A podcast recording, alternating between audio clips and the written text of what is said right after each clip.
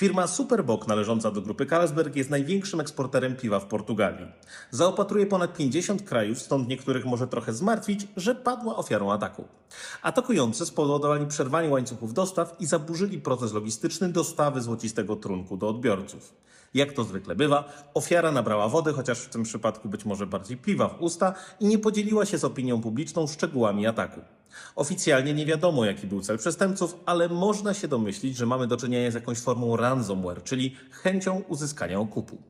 Kilka lat temu podobna sytuacja przytrafiła się firmom Lyon i Molson Coors, gdzie nawet zatrzymano całą linię produkcyjną z tego powodu. Bez piwa da się niby żyć, ale czy warto? Jak widać, cyberbezpieczeństwo jest ważne nawet w branżach niekoniecznie kojarzonych ściśle z IT.